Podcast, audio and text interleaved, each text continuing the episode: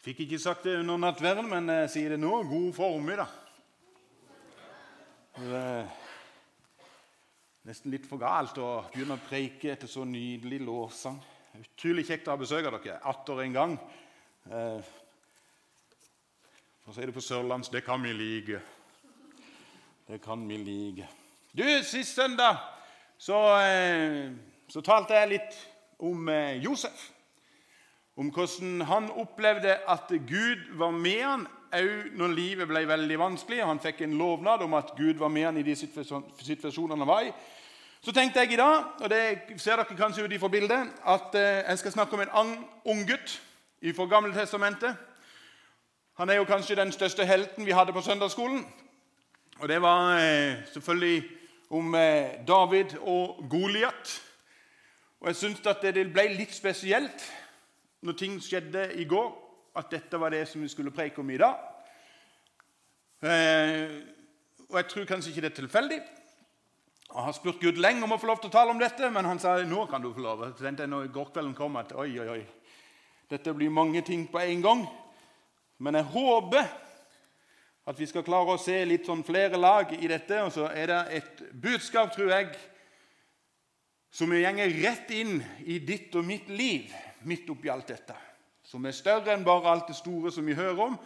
Eh, men jeg tror at Jesus har et budskap inn i våre liv, hvert enkelt av oss. Og eh, Før vi skal på en måte lese en del av bibeltekster om David og Goliat Vi skal ikke lese alt, for det er ganske mye. Men, men det, det, som skjer når vi kommer inn i tekster, det er jo at eh, det er krig mellom israelsfolket og filisterne. Og Det står at de har samla seg i en setting der de, du har filisterne på den ene sida av en dal. Og så har du israelsfolket på den andre sida av en dal, og så har du dalen imellom dem. Og så kan vi lese om at eh, Goliat kommer stigende fram.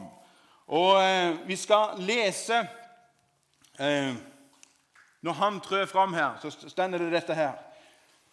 Og Hvis Håvard som sitter på det tekniske, kan jeg trykke meg videre etter hvert som jeg leser. Da trådte det fram fra frilisternes rekker en mann som utfordret til tvekamp. Han het Goliat og var fra Gat. Han var seks alen og et fingerspenn høyt. Altså Han var 3,25 meter. altså Det er mer enn en meter høyere enn meg, og jeg føler meg ganske stor. På hodet hadde han en bronsehjelm og han var kledd i en skjellbrynje av bronse. Den veide 5000 sekel, altså ca. 60 kilo. På leggene hadde han bronseskinner, og på ryggen bar han en sabel av bronse. Skaftet på spydet hans var tykt som en vevebom, og spydspissen var av jern og veide 600 sekel, ca. 7 kilo. Foran ham så gikk skjoldbæreren gikk foran ham. Goliat stilte seg opp og ropte ropte til Israels hær.: Hvorfor drar dere ut og gjør dere klar til kamp? Er ikke jeg en filister, og dere Sauls tjenere? Velg ut en mann og send ham ned til meg. Hvis han kan kjempe med meg og felle meg, skal vi være slaver for dere. Men hvis jeg vinner over ham og feller ham, skal dere være våre slaver og tjene oss. Og filisteren fortsatte. I dag har jeg hånet Israels hær. Send hit en mann, så skal vi kjempe med hverandre. Da Saul og alle israelittene hørte hva filisteren sa, ble de svært redde og mistet motet. Svært redde og mistet motet. Jeg har et spørsmål til dere alle sammen her inne i dag, og det er dette her Hva slags kjempe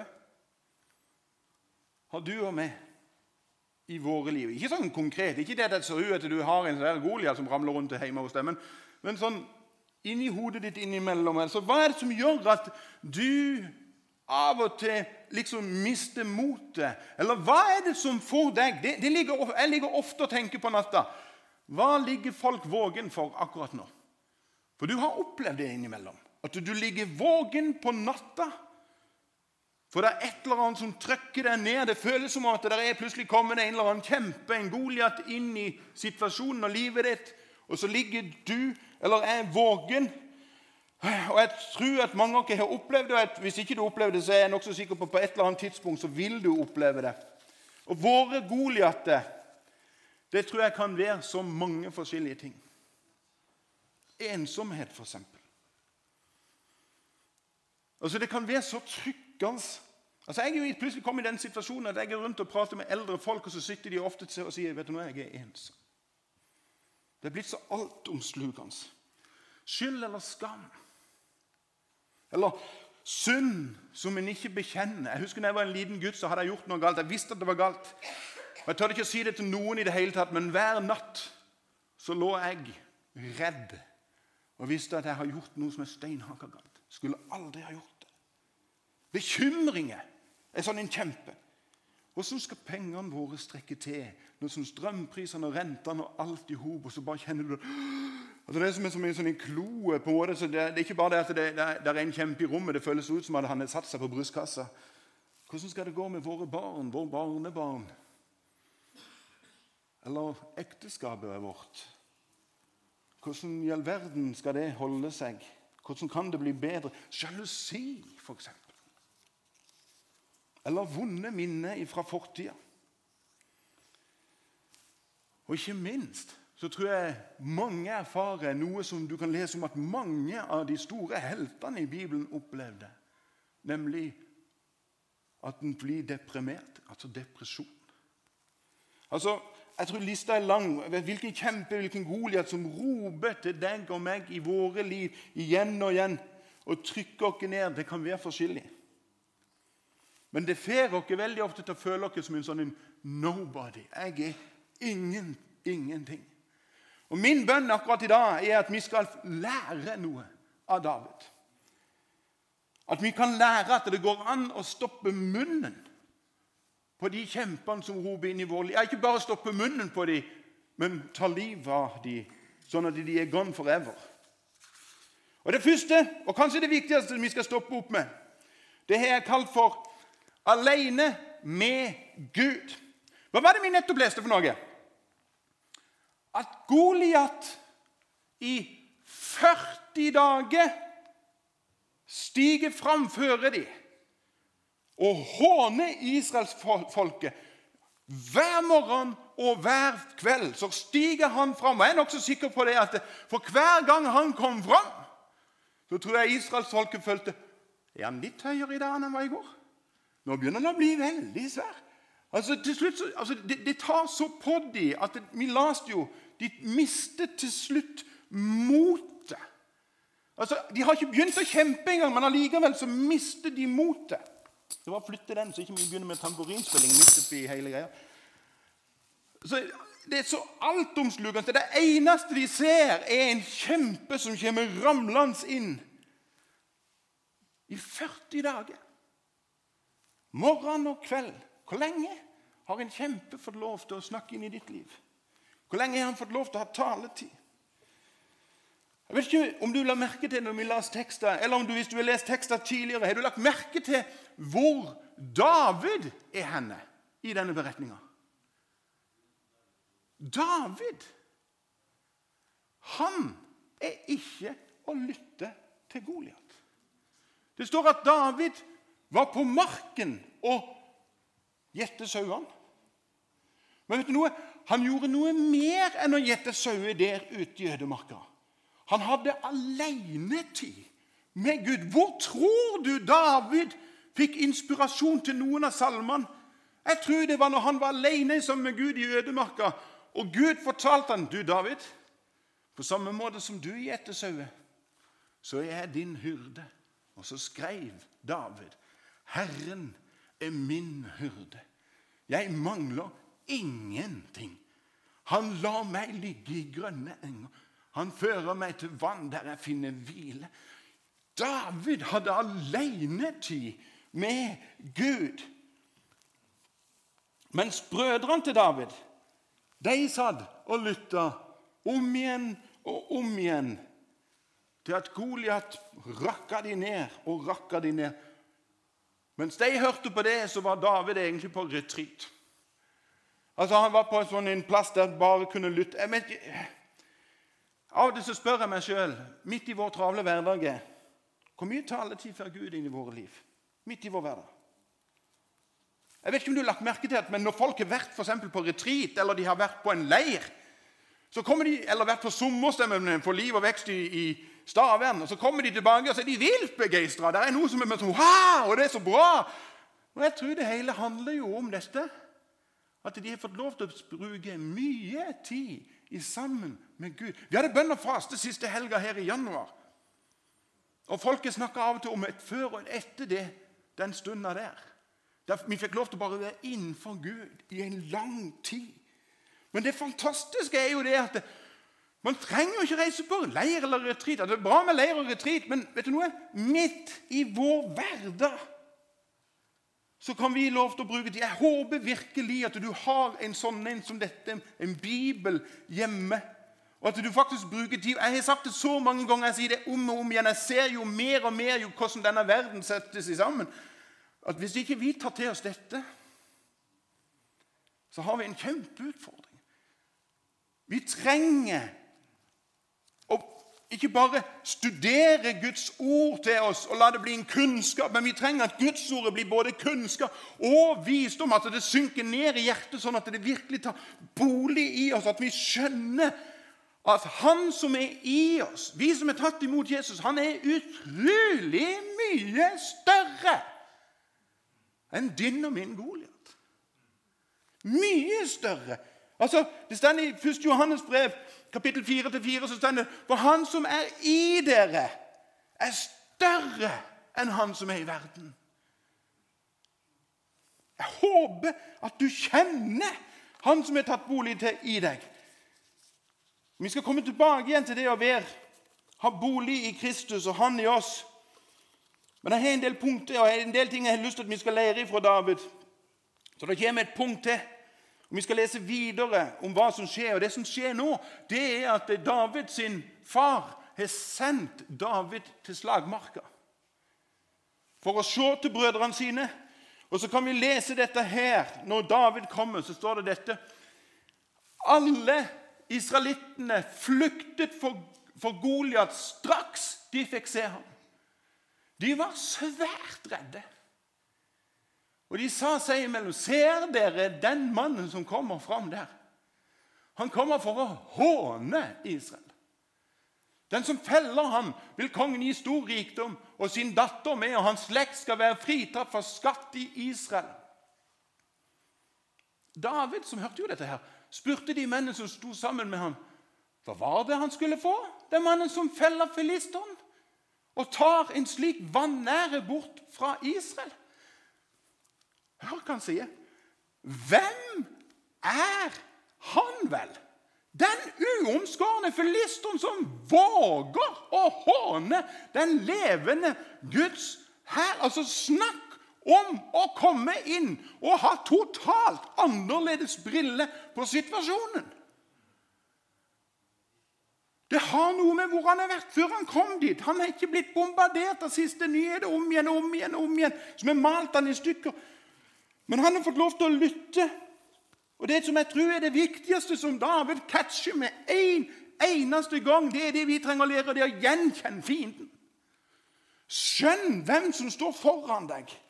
Som kristne så må vi aldri glemme at djevelen aldri vil oss det beste.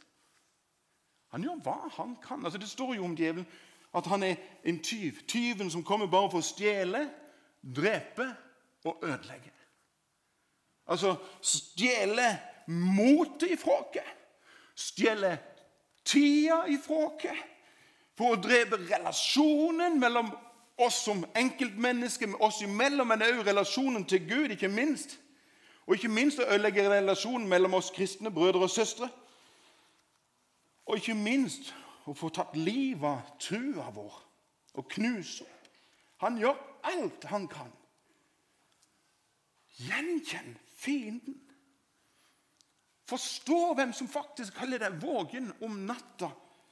Neste gang du ligger vågen om natta, og jeg ligger vågen om natta fordi at Goliat sin stemme roper så høyt, så er min oppfordring gjør det samme som Jesus gjorde når han hadde sin kamp med djevelen. Og hva var det Jesus gjorde? Han siterte Skriften. Han siterte Skriften. Det står skrevet. Det står skrevet. Det står skrevet. Neste gang du ligger der vågen, så si ut høyt, gjerne. Ja, Kanskje ikke hvis kona eller mannen ligger på sida der, for da kan det jo bli litt støy ut av det. da, Men si ut høyt Guds sine løfter. Si høyt hvem du er i Kristus. Hvem som bor i deg. Vite med sikkerhet. Altså, Kjenn hvem som bor i deg. Og Det står jo om han at han jeg er kommet, Dette sier som Jesus. Jeg er kommet for å gi dere liv og overflod. Bruk Guds ord for alt det er verdt.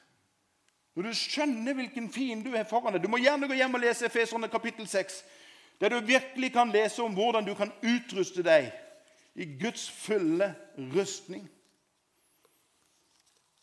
Når jeg jobba med dette, her, så skjønte jeg det ble litt mange punkter, men det får bare gå. Det neste er lytt til gode råd. Hør hva som står videre i teksten. Folket gjentok det som var sagt. Det og det skal han få som feller ham. Eliab, Davids eldste bror, hørte hva han snakket med menn om. Han ble sint på David og sa, 'Hvorfor er du kommet hit ned?' 'Hvem har du fått til å gjete den lille saueflokken ute i ørkenen?' 'Jeg vet hvor frekk og ond du er. Du er bare kommet hit ned for å se på slaget.' 'Hva galt har jeg gjort?' svarte David. 'Jeg spurte jo bare.'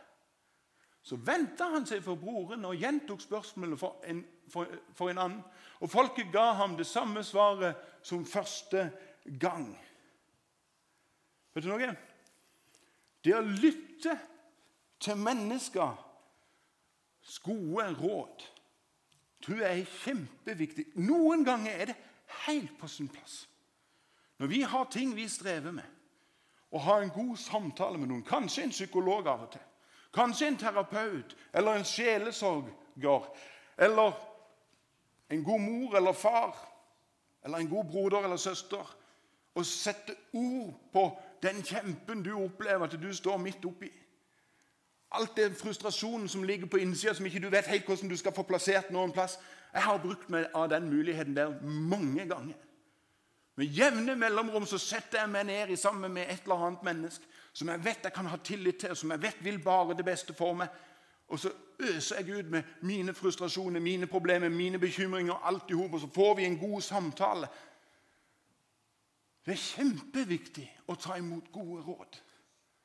Men vet du noe som jeg tror er like viktig? Det er det vi så at David gjorde. Noen ganger så må du snu ryggen til noen og si, 'Vet du noe? Jeg kan ikke bruke tid sammen med deg.' Du er bare her for å dra meg ned. Du kommer bare med negativitet. Altså, Jeg vil gjerne ha konstruktiv kritikk. Det hører jeg gjerne på. Når folk kommer til meg og sier du, Tore, du kunne sagt det annerledes, eller sagt det sånn eller sånn. Når det er mennesker som vil med det beste, så lytter jeg masse. Og den som er best på det, det er kona mi. Jeg får jo det glatte lag innimellom. Men hun vil jo det beste for meg, så jeg lytter gjerne. Men jeg har òg opplevd folk som bare kommer innom, og som jeg nesten ikke kjenner. Og som det eneste de har å komme med, det er negativitet om hvordan ting burde vært gjort annerledes. Du burde sagt det sånn, eller du burde gjort det sånn, eller du burde oppført deg sånn. Eller, vet du noe? Livet mitt er for kort å bruke tida på det. Så jeg gjør det samme som David og sier vet du noe, jeg hører, men jeg har ikke tid. Jeg går videre. For du er bare ute etter å dra meg ned. Noen ganger så må vi snu og slutte. Altså, det er litt spesielt, men hvis du leser Bibelen og Når jeg holdt på med denne Bibelen, så la jeg merke til at storebror til David, Eliab Vet du noe? Den teksten vi nettopp las nå, det er siste gang du hører om Eliab i Bibelen. Etter det så høres det ingenting mer om han. Og vet du hvorfor? Jeg vet ikke hvorfor, men jeg tror og innbiller meg at noe av grunnen er at Eliab har hatt en personlig kjempe i sitt liv som har tatt ham, som heter sjalusi. Eliab var veldig sjalu på at David hadde blitt salva til konge, og ikke han sjøl. Så til slutt så tar sjalusien for alt han er. Og vi hører aldri mer om Eliab. Og ut av sjalusi så kommer det bare bitterhet.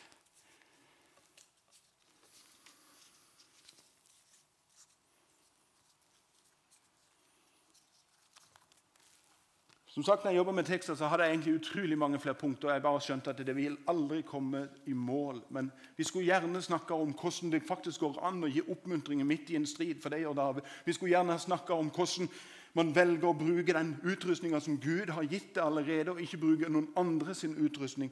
Men det jeg har lyst til å stoppe aller mest med mot slutten, det er, det, det er dette her at når vi går i en kamp, så gjør det gå i Jesu navn.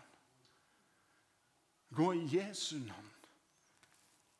Når du av og til har en krangel med noen, spør deg sjøl er dette noe som går på egentlig et åndelig plan her. Er det egentlig den onde sjøl som holder på å ødelegge? Gå inn i Jesu navn. Hør hva David gjør når han begynner å gå mot Goliat.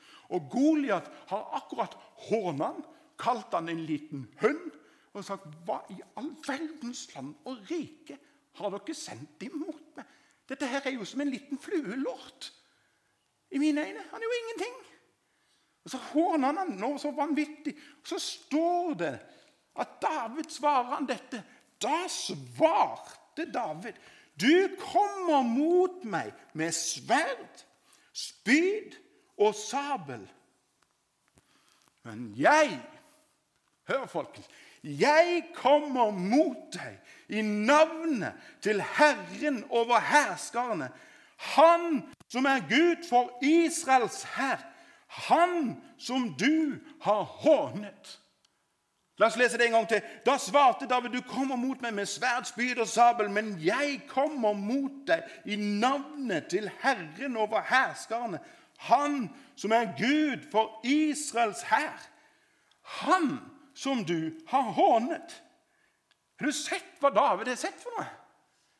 David skjønner at den hånen som blir retta mot ham, det er ikke mot han som person. Han skjønner at det er Gud sjøl som blir håna. Hvordan kunne han forstå det? Jo, for David visste at jeg er et Guds barn. Jeg er salva. Jeg er utvalgt. Hva er vi som er tatt imot Jesus? Vi er et utvalgt folk. Et hellig presteskap. Vi er Guds barn. Så når Goliat fyrer løs, så er det ikke oss han er egentlig ute etter, men Gud sjøl. Jeg sa jo det at jeg skulle komme tilbake igjen til dette med at han bor i oss. For vet du noe? Jeg Hør hva Paulus sier i Galaterne. Jeg er korsfestet med Kristus.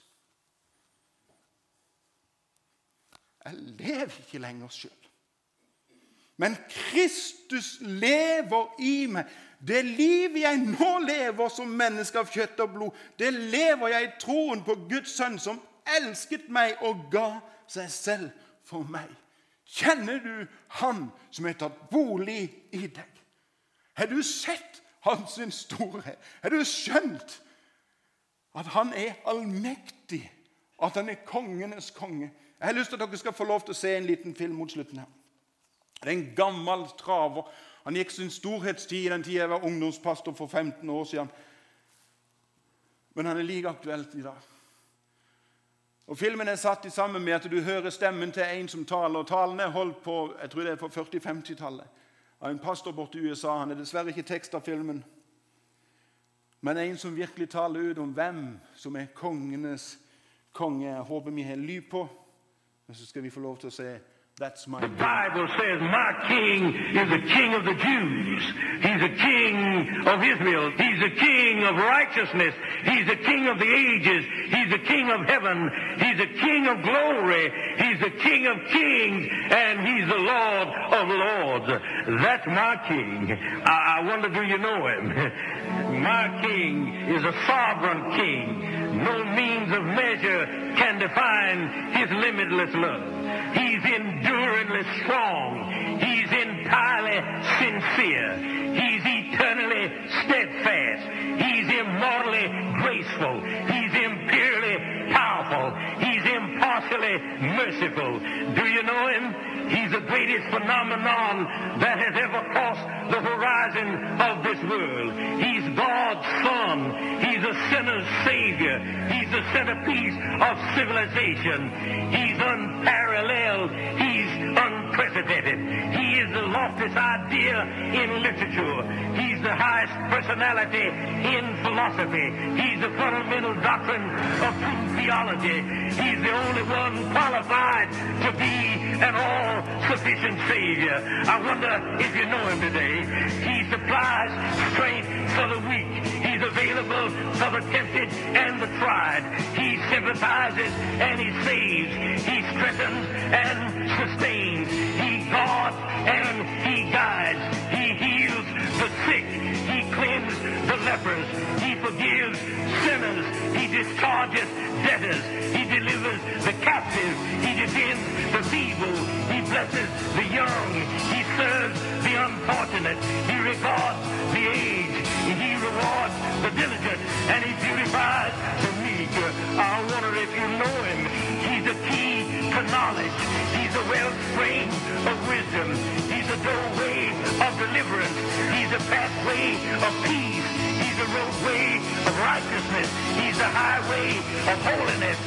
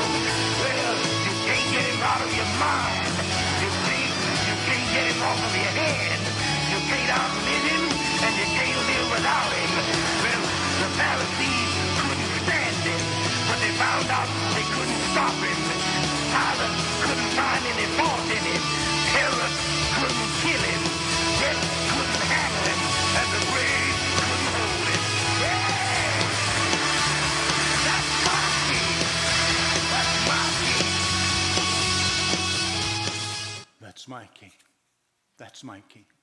Det er min konge. Jeg håper du kjenner ham. Jeg håper du- skjønner hvem som har tatt bolig i deg. Hovedgrunnen for vi kan gå frimodig til kamp med våre kjemper, er jo fordi at Jesus alt har vunnet. Det er fullbrakt. Den største frykten israelsfolket hadde når de sto der, var jo at de skulle bli drept. Men når du allerede er korsfestet med Kristus, da frykter man ikke død. Da kan jo ikke død gjøre meg noen ting. For det er en som har vunnet over alt og sagt 'fullbrakt', 'fullbrakt', 'fullbrakt'. Derfor har jeg lyst til å avslutte med noe som David sier til sin sønn mange år etterpå. Som er på en måte sånn en siste hilsen inn i livet hans. og Så sier han det. Mist ikke motet. Uansett omstendigheter vi ser rundt oss, og hva vi opplever i eget liv, mist ikke motet. Hør hva David sier til Salomo. Så sa David til sin sønn Salomo, vær modig og sterk. Gå til verket. Vær ikke redd, og mist ikke motet. For Herren Gud, min Gud, er med deg. Han vil ikke slippe deg og ikke forlate deg før du har fullført alt som skal gjøres for tjenesten i Herrens hus. Jeg slipper deg ikke. Jeg forlater deg ikke. Mist ikke motet. Og vet du noe? Akkurat i dag så er det et ord ifra Jesus til deg. Mist ikke mot. Vær ikke redd. Jeg sitter fortsatt på tronen. Jeg har all makt i himmelen og på jord. For det er i hans sitt navn, i Jesu navn, At vi kan stoppe munnen og ta livet av Goliat. Tro at Gud er med deg, kjempe for det og lede deg til seier. Skal vi be. Jesus, vi takker deg for at du er kongenes konge og herrenes herre. Vi takker deg for det at du har all makt i himmel og på jord. Takker deg for det at du ved din ånd har tatt bolig i oss. Hjelp oss til å se at du leder oss gjennom alt det som fins av stormer og kamper mot våre egne Goliat. Hjelp oss, Jesus, til å lytte til ditt ord. Hjelp oss til å ta tid til å høre til din stemme. Utrust oss, Jesus, i din fulle rustning, så vi kan stå stand mot djevelens listige angrep.